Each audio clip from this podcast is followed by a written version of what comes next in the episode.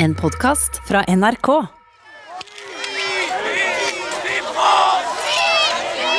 Hele Oslo begynte å koke, og vi var jo midt i sentrum der. I 1979 sultestreiker en gruppe samer foran Stortinget i protest mot utbygging av Altaelva. Det vi kom til å gjøre i Oslo, kom til å bli vendepunktet for samefolkets historie. Mange støtter samenes kamp, men myndighetene setter hardt mot hardt.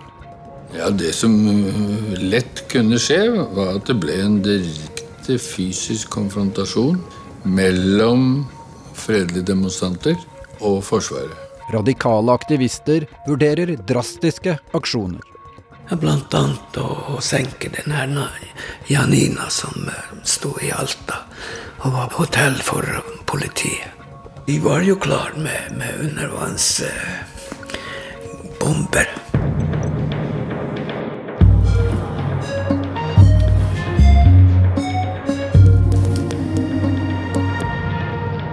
Du hører på Alta-aksjonen av Randi Lillealteren. Del to av tre.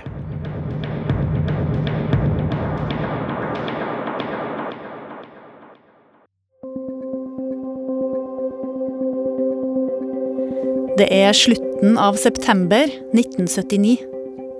Jorunn Eikjokk er på vei hjem til Tana i Finnmark etter et opphold på Grønland. Hun reiser via Tromsø, hvor hun møter en gammel kjenning. Som fortalte at eh, utbygginga i Alta bare fortsatte. Og de hadde nettopp tilsidesatt og nekta at reindriftssamer hadde rettigheter der. Og da ble jeg sint. Særlig når jeg hadde opplevd eh, innførelsen av hjemmestyre på Grønland. Urbefolkninga på Grønland har nettopp fått flere rettigheter og mer selvstyre. Jorunn har kjempa en glødende kamp for samiske rettigheter siden hun var i tenårene. Som lærerstudent hadde hun praksis på barneskolen i Karasjok. All undervisninga foregikk på norsk. For meg var det et sjokk. Trodde ikke at det fremdeles foregikk. Så der satt de og ikke forsto noen ting. Og det jeg da gjorde, var å begynne å undervise på samisk. Jeg jobba jo dag og natt med å lage undervisningsmateriell. Hjemme i Tana møter hun fetteren Nilja Zomby, som er på vei til Oslo for å protestere mot utbygginga av Alta-Kautokeino-vassdraget. Vi er på vei til, til Oslo for å sultestreike. Da sa jeg dere blir nødt til å kreve samiske rettigheter. Det er krav nummer én. Nilja så på meg. Så sier han, Jorunn, da må du bli med. Jorunn må skynde seg. Niljas har allerede pakka minibussen med lavvoen han skal sette opp utafor Stortinget.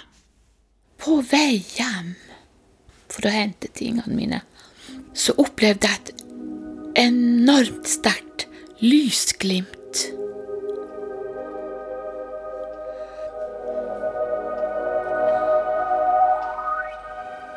Da jeg kom ut av lyset, så var jeg blitt visjonær. Jeg visste at vi kom til å lykkes med vår sak. Jeg hadde på fornemmelsen av at det vi kom til å gjøre i Oslo, kom til å bli vendepunktet for samefolkets historie. På vei sørover jobber Jorunn med erklæringa og kravene de skal lese opp for politikerne på Stortinget. Samene har blitt fratatt landområdene sine bit for bit gjennom historia. Mange har blitt tvangsflytta og mista jakt- og fiskerettigheter. Og det var jo derfor jeg i hvert fall var med på denne turen.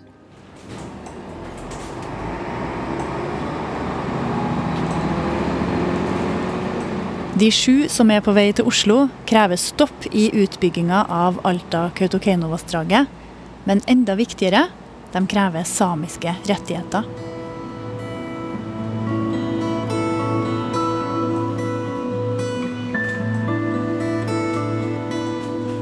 Så kom vi til Oslo. Og tidlig, tidlig om morgenen i femtida. Alle de andre sov, det var bare sjåføren og jeg som var våkne. Og da tenkte jeg her ligger Oslos befolkning og sover. Og dere kommer til å våkne opp om noen dager og få vite noe som dere ikke vet om nå. Dere kommer til å få vite at samer krever rettigheter her i Norge.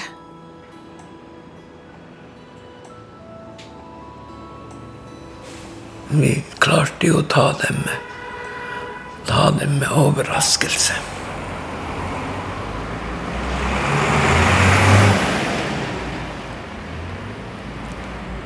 Det er tidlig mandag morgen, 8. oktober 1979. De som haster forbi Stortinget på vei til jobb, ser noe de aldri før har sett. På plena foran nasjonalforsamlinga er tre-fire unge menn i samekofte i sving. De jobber med vante og raske bevegelser. Så vi fikk uh, i fred og ro sette opp vår beeljegoetti, som er lavvo. Det er jo den her tradisjonelle med, som er ordentlig gjort. Og det var min familie sin. Så den fikk vi satt opp der, og uh, satte også opp de her plakatene. og Niljas, Jorunn og de fem andre som skal være med på sultestreiken, har fått til et møte med statsministeren og stortingspresidenten på Stortinget. Så vi dro dit og leste opp kravene våre. Regjeringa sier nei til kravene. Og dermed er sultestreiken i gang. Aksjonen blant samene utenfor Stortinget vekker oppsikt, og i hele dag har det stått store folkemengder rundt den gruppen på sju samer som har innledet sulteaksjonen. Mikkel Eira, som har kjempa mot denne utbygginga helt siden det var planer om å demme ned hjembygda hans, Masi, i 1970, er talsperson for gruppa. Vi er kommet hit for å prøve å bevise det norske folk at de samiske rettigheter ikke er respektert. Vi er en uh, uavhengig organisasjon av samer som kommer fra Finland, Sverige og Norge. Og dere er representative for samene? Ja. At striden om Altaelva også er et spørsmål om samiske rettigheter, kommer som en overraskelse på politikerne i hovedstaden. Jorunn Eikjok forteller om møtet med en av dem som begynte da vi kom inn med kofter, og fortelle oss at han hadde hatt en samisk kjæreste på Børgefjell, og sånn og sånn. Jorunn er lei av det romantiske synet mange har på samer. Vi lærte om oss sjøl at vi var sånn her eh, nærmest midnattssolens barn, og som bodde på vidda. Mange samer møter ei holdning om at det bare er reindriftssamer som er ekte samer. Og jeg som var lærer, og de som var snekkere, vi var jo ikke i deres forståelse definert som samer. Og der lå problemet. Fordi en stor del av den samiske befolkningen var ikke, ble ikke oppfatta som være samer.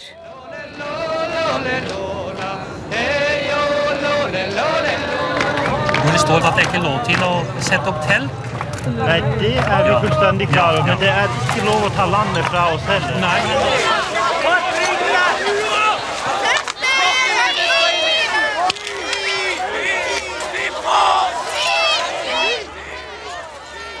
Hele Oslo begynte å koke, og vi var jo midt i sentrum der. Og, og da, da kunne man ikke bare overse oss. Det var en drøm. Og den folkemengden som var utenfor, rundt lavvoen. Og det var ikke bare radikale folk. Nei da, husmødre fra Oslo. Folk var forferdet over å vite at samer ikke lærer sitt morsmål på skolen. Det visste de ikke, sa de. De visste ikke at samer var undertrykt i Norge på den måten vi, som vi fortalte om. Folk var sinte. For meg og for flere andre av oss som aksjonerte og sultestreika, var det her en helt ny, nytt møte med nordmenn. Vi hadde opplevd nordmenn som rasister, som sjikanerte og trakasserte oss. Ravna Anti har akkurat kommet til Oslo direkte fra nullpunktet i Stilla. Hun skal hjelpe til med å organisere sultestreiken. På vei forbi Slottet ser hun nedover mot Stortinget. Så ser jeg allerede folk. Og i tusenvis. Og jeg ser jo dem, og eh, Jorunn roper Ravna, og jeg roper Jorunn, og jeg går Jeg får beskjed om å sirkulere. Det var jo alltid mye folk der. Både sympatisører og andre, men det var jo, så vidt jeg husker, så var det alltid rolige former. Inge Sundeng er i 1979 ung politikonstabel og jobber på Grønland politistasjon i Oslo. Så ble det besluttet at de skulle fjernes. Og da var det også et, et relativt stort oppbud av oss fra politiet som var der nede. Alle som står her må eh, flytte. Det er ikke lov til å stå her. Må flytte over på andre siden.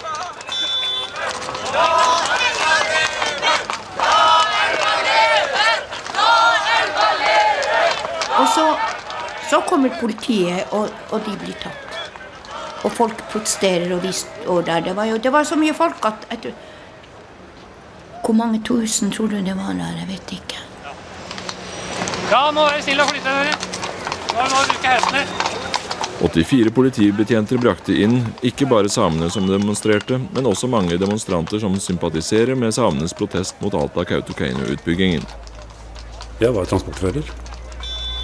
Og, og, og, teltene ble jo veldig lavene, ble jo revet, og, og demonstrantene ble kjørt bort. Så da ble de kjørt inn til politihuset. Så snart politiet lar aksjonistene gå, er de tilbake foran Stortinget. Politiet kommer tilbake flere ganger og sultestrekerne blir svakere for hver dag. Når det gjelder helsetilstanden til de sju, får vi opplyst at det er mavesmerter som volder størst problem, og samtidig at beina svikter under dem. Det er tungt, det er hardt, jeg klarer ikke å gå lenger.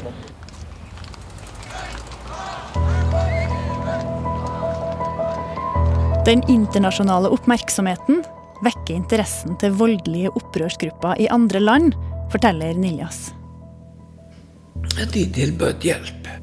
I Spania har den militante baskiske separatistgruppa ETA stått bak en rekke drap og dødelige bombeaksjoner gjennom 60- og 70-tallet. Den irske paramilitære gruppa IRA driver på samme måte på de britiske øyer. Kontakten med de utenlandske opprørsbevegelsene fortsetter i månedene som kommer. Og politiets overvåkingstjeneste skjerper beredskapen. De setter i gang overvåking og telefonavlytting av sameaktivistene. For det første så var ikke jeg redd eh, overvåking. Forteller Ravna Anti. Og jeg var lenge sikker på at jeg ble overvåka. Jeg, tenkte, jeg har jo ikke gjort noe galt. Jeg var ikke kriminell. Og... Sånn tenkte jeg det. Hva var det som gjorde at du trodde at du ble overvåka? Ja, det var jo ikke så rart. Eh, for jeg ble jo sett på som veldig progressiv eh, same.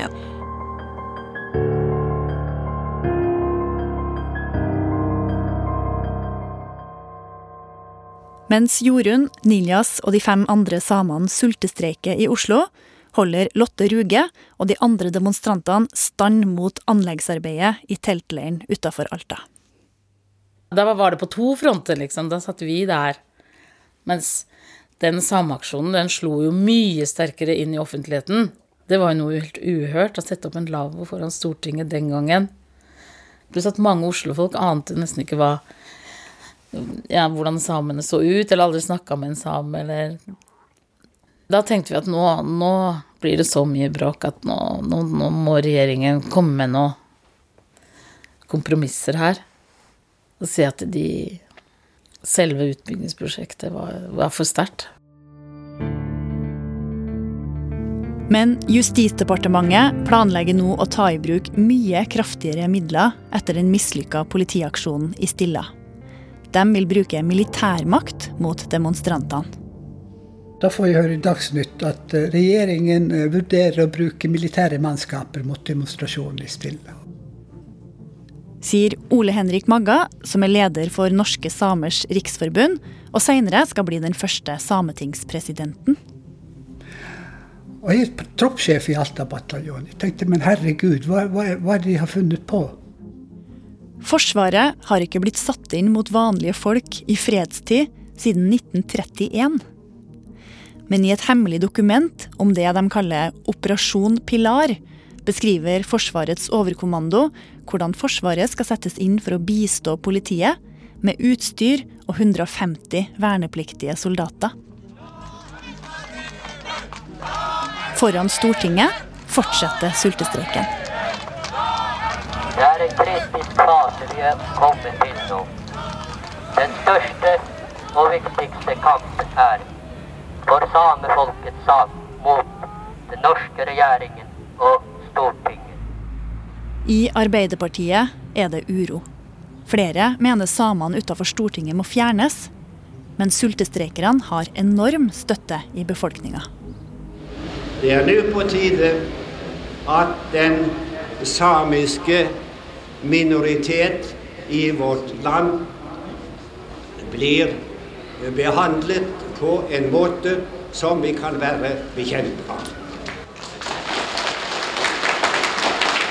Man behöver inte bläddra länge i tidningarna här i Norge för att få klart för sig att diskussionen om samernas rättigheter plötsligt har blivit en dominerande politisk fråga här.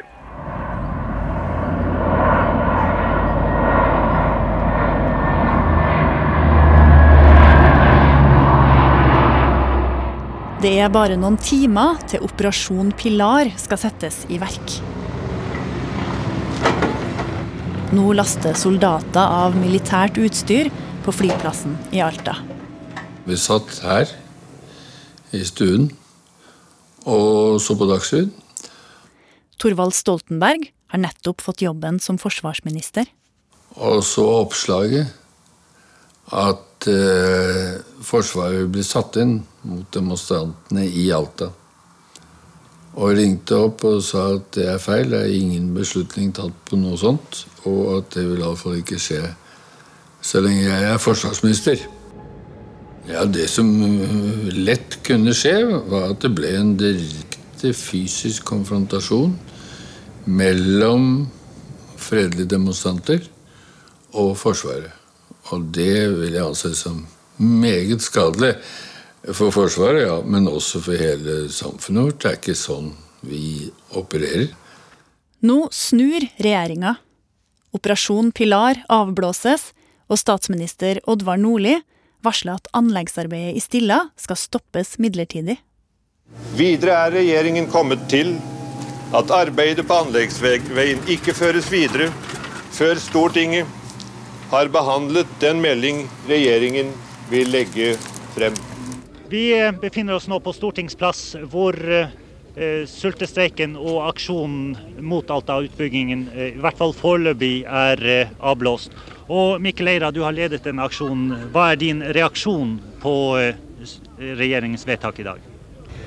Disse menneskene som eh, dere ser nå her foran, dere må alle i hele Norges land løfte hatten for dem. Det motet de har vist, det er ingen i hele Norge som har. Og jeg visste at de, om så, var villige for å dø for det samiske folk.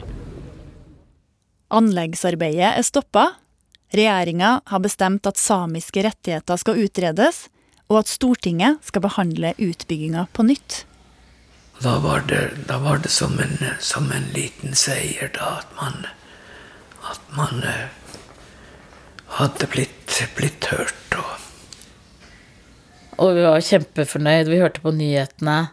Det er en sånn bilradiohøyttaler som er satt opp på taket, og vi står rundt, og alle er så happy, da. Endelig en seier, liksom. For første gang i historien føler samene at de er hørt. Det her har Ole Henrik Magga og andre samepolitikere jobba for i mange år. Det var, var et, virkelig et gjennombrudd. Og det var jo den som skapte eh, håpet om at det fins en fremtid i utvikling av disse sakene.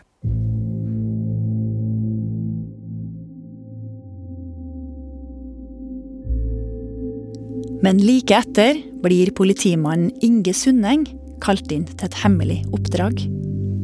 Og jeg var jo 24 år, eh, relativt nyutdanna. Uh, eh, nygift. og det ble presentert at jeg fikk tilbud da om en jobb. Spesialoppdrag. Det var hemmelig. Eh, de kunne ikke si noe mer om den saken.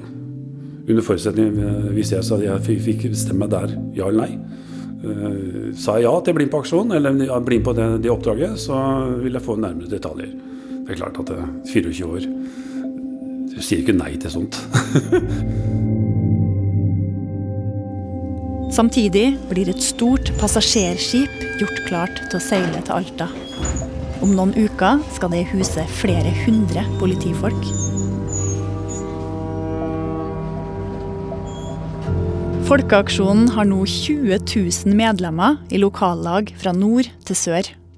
Men seieren de har følt på, snur seg nå til et nederlag. Eh, det som for oss er avgjørende, er at eh, hvis man skal kunne bevare bosetting og sysselsetting i Finnmark, må eh, Finnmark sikres ny og tilstrekkelig energi.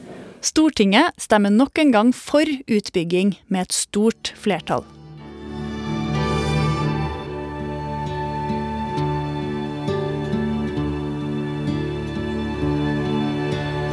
Enkel tone, to små ord. Sami Ednan, samisk jord. Men kampen til samene blir Norges bidrag til Melodi Grand Prix når låta 'Sami Ednan' vinner den norske finalen. Joiken setter seg på hjernen til et helt folk.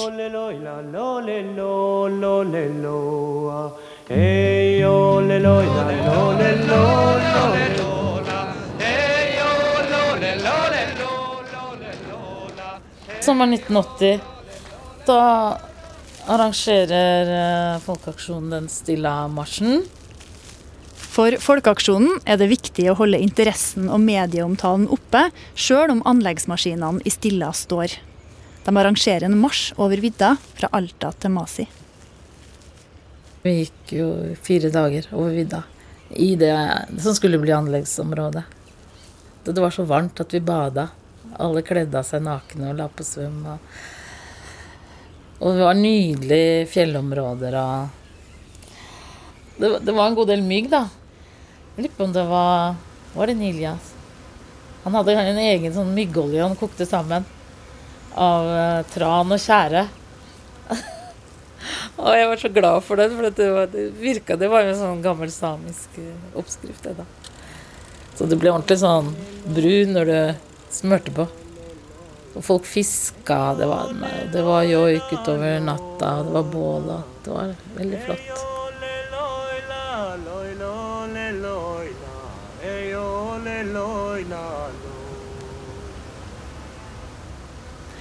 Det er høst, og politikonstabel Inge Sundeng er godt i gang med det hemmelige oppdraget. Så Vi prøvde ut massevis av utstyr. Massevis av utstyr ble ødelagt, det funka ikke. Vi hadde kjøpt inn massevis av forskjellige typer kjettinger. Vi bandt jo fast en kollega da, i kjetting med lås. Og I tillegg var det da gjerne opptil to mann som satt med sånne lange hektekroker som dro kjettingen ut for å få litt spenn. Og da alt var da satt, så kunne du gå inn med vinkelslipperen og, og kutte lenkene. sånn sett. Samtidig kjører ei kolonne med 35 lastebiler fra Sivilforsvaret nordover. Politiet er klar til aksjon.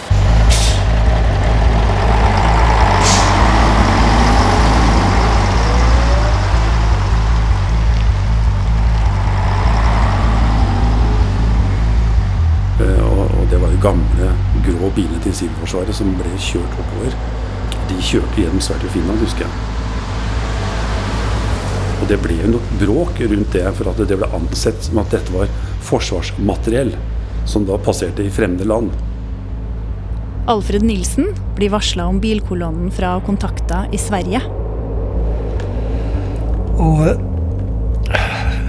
de bilene skapte jo uhygge, for de hadde jo sånn krigsblenda lykter på.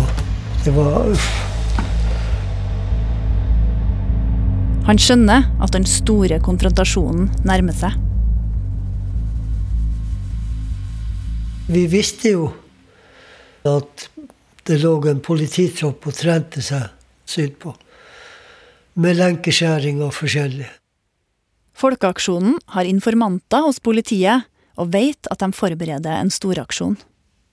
Vi fikk jo laga klaver som var mye mer effektive enn de lenkene hadde vært. De her klavene er en slags jerntruser som demonstrantene skal ha utapå klærne. Når de er lenka sammen i dem, vil det bli vanskelig for politiet å få dem løs. Lotte Ruge er på juleferie hjemme hos foreldrene i Oslo. Det er andre juledag 1980 og familieselskap i leiligheten på Briskeby. Og så var det meg og søstera mi, broren min var vel der, og vi hadde besøk også fra noen slektninger. Det var sånn at det var et ringesystem når, noe, når, noe, når vi skulle få nyheter om hva vi burde gjøre og sånn, at folk hadde ringelister hvem de skulle kontakte. Nå skjer det. Lotte får beskjed om å gjøre seg klar i en fart. Vi liksom pakka fort. Det sydde noe ekstra sånne soveposetrekk for å i full fart, da. Neste dag skulle vi være klare, da. Og foreldra våre de syntes jo det var litt skummelt, da, men de støtta jo oss og hjalp oss å pakke. Og søstera mi var ett år yngre, så vi dro sammen, da. Folkeaksjonen har satt opp busser fra Oslo for å frakte demonstranter til Alta. Vi passerte Gällivare i Sverige. Det var skitkaldt. Nei, det var 20 minus og sånn. Altså. Det... Men vi hadde jo gode klær. da, Vi hadde blitt utstyrt med fra andre støttespillere som kom med alt mulig til oss før vi dro. Og det var spennende. Ville vi komme dit før politiet? Hva var det som skulle skje? ikke sant? Mens stadig flere aksjonister strømmer til leiren på nullpunktet, gjør statsminister Oddvar Nordli det tydelig at regjeringa ikke har tenkt å ombestemme seg. Alta-saken dreier seg nå om det fundamentale, om lovlig fattede vedtak i Norges storting skal kunne gjennomføres.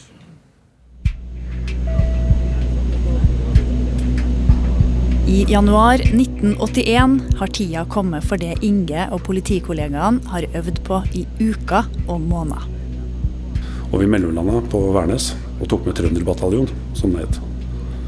Jeg tror ikke det har blitt akseptert i dag, for da husker jeg midtgangen på flyet var fylt med kasser og bikkjer. Så, så en evakuering av det flyet hadde vært vanskelig. Så, og da fløy vi direkte opp på natta til Lakselv til Banak. Og, og da var det vinter, det var kaldt. Og vi gikk inn, vi var i hangarene.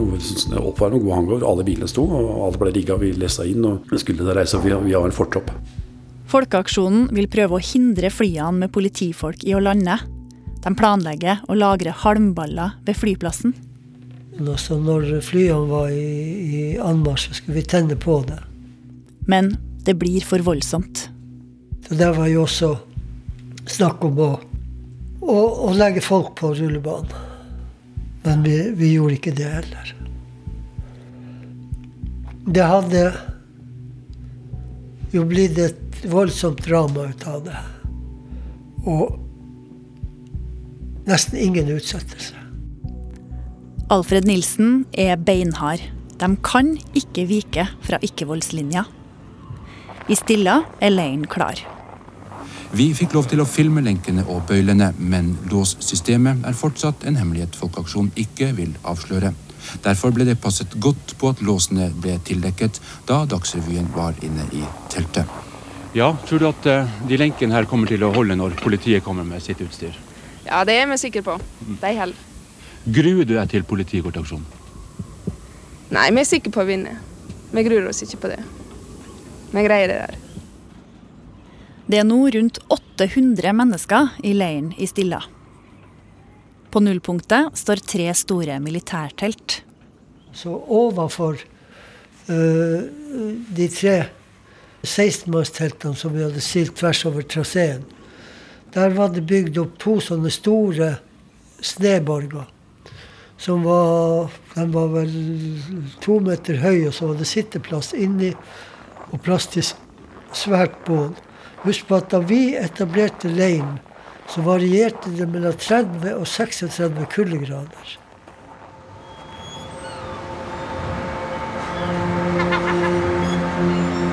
Når vi kom til Alta, så gikk det rykter om den store politibåten. 13.1.1981 legger passasjerskipet Janina til kai i Alta. Skipet skal huse de 600 politifolkene som er på vei nordover. Da, da begynte vi å skjønne at dette her Her skal det satses alt for å knekke oss, da. Ble du redd da? Nei, jeg var aldri redd. Vi var ikke det. For at vi var så mange, og vi var sikre på at vi skulle liksom stå sammen. Og vi var ikke redde. Ikke for noe.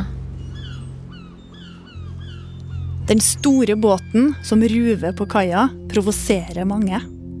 Enkelte begynner å legge planer for en aksjon mot skipet.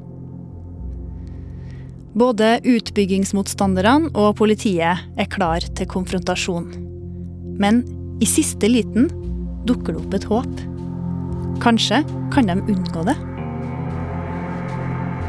Det var jo en, en byråkrat som rett og slett gikk til regjering og statsministeren annet og spurte om, om de var villige til å akseptere et kompromiss.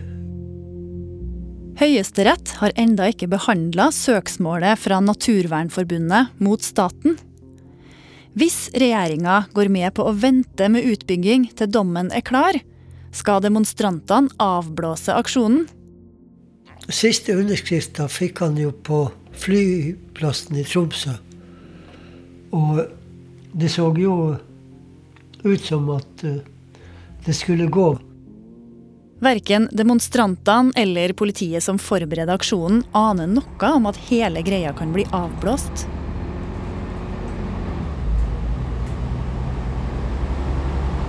I Lakselv har fortroppen med politifolk sørfra landa. De skal kjøre en kolonne med biler over til Alta. Blant dem er Inge Sundeng. Så vi starta da i samla tropp og kjørte ut fra Lakseelv på, på, på, natta. Og, og en av kara som var i troppen min, da, for å kalle det det, han hadde en stor, lang, buskete bart. Og var i køyesengen bak der. Så han, han sovna da oppi den, den senga bak der vi kjørte over, da, over fjellet. Og, men det var jo så kaldt, vet du, og bilen var dårlig isolert. Så barten hans frøys fast i vinduet. Politimesteren i Vest-Finnmark, Einar Henriksen, leder politiaksjonen. Han frykter at det er ekstremister blant demonstrantene, og at konfrontasjonen skal bli voldelig.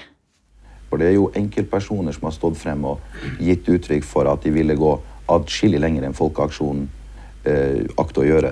Men jeg vil jo håpe at dette er tomme ord, og at det ikke skjer. Det vil jo være en tragedie, etter min oppfatning. Helt siden sultestreiken høsten 1979 har sameaksjonistene hatt kontakt med militante utenlandske opprørsgrupper, forteller Niljas Zombie. De tilbød hjelp. Annet å senke den her Janina som sto i Alta og var på hotell for politiet. De utenlandske organisasjonene har gjennomført en rekke bombeattentat i Spania og Irland. Nå tilbyr de utstyr og folk til å sprenge hull i skroget på politiskipet som ligger til kai i Alta. De var jo klar med, med undervannsbomber. Men at eh, vi stoppa det. det. Det kunne jo gått menneskeliv der. Vi er ikke sånne terrorister. Jeg hadde ikke sørga for denne båten. Den kunne ha gått til helvete for min del. Men uh, menneskeliv er det Det er hellig for meg, i hvert fall. Men det her skal ikke bli siste gang Niljas vurderer å bruke sprengstoff. I Alta får Ole Henrik Magga og de andre svar på kompromissforslaget. Regjeringa venter gjerne med å bygge selve dammen til Høyesterett har avgjort saken. Men de vil ikke stanse arbeidet med anleggsveien. Det det å forsøke å lure oss på den måten. jo, ja, det inngir ikke tillit. De kan uansett ikke begynne med demninga før veien er bygd. Forbrytelsen var jo stor. Slag i ansiktet. Alfred Nilsen kaller inn til pressekonferanse på hotellet i Alta. Det ble jo jækla sirkus. Og så sa vi jo at uh, nå er det ingen vei tilbake, nå blir det konfrontasjon i Stilla.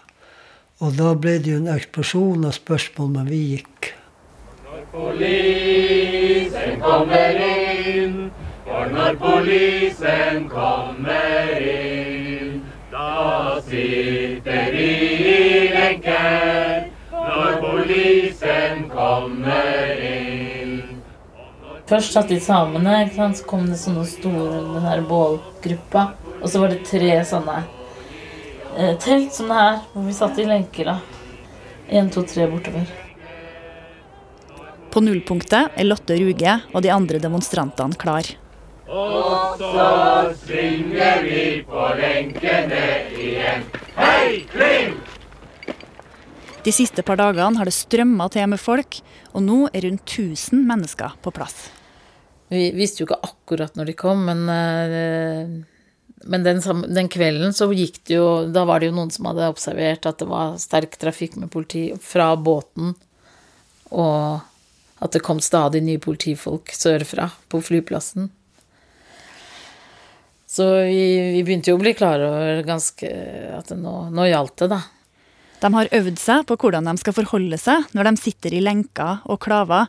Og hvis noen skulle på do, så måtte vi låses ut hele gjengen. Altså, det var jo nokså krevende, da.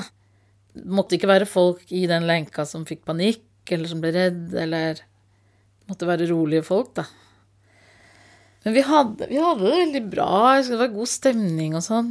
Ja, helt fram til den natta, da. Alfred Nilsen har kommet opp i leiren. Med flere snøborger og et titalls militærtelt dekker den et digert område.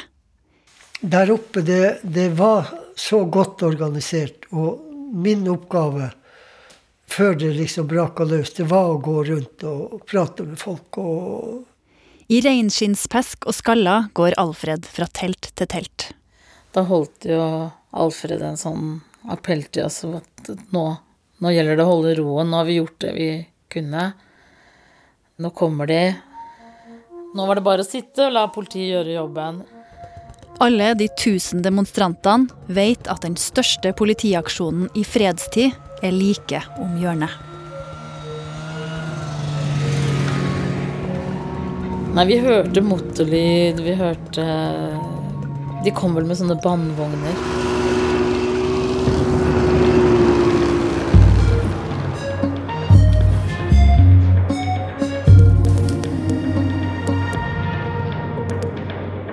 Du har hørt den andre episoden i miniserien om Alta-aksjonen, laget av Randi Lillealtem. Lyddesign Kjetil Hansen, produsent Kaja Frøysa og redaktør Siril Heierdal. En podkast fra NRK.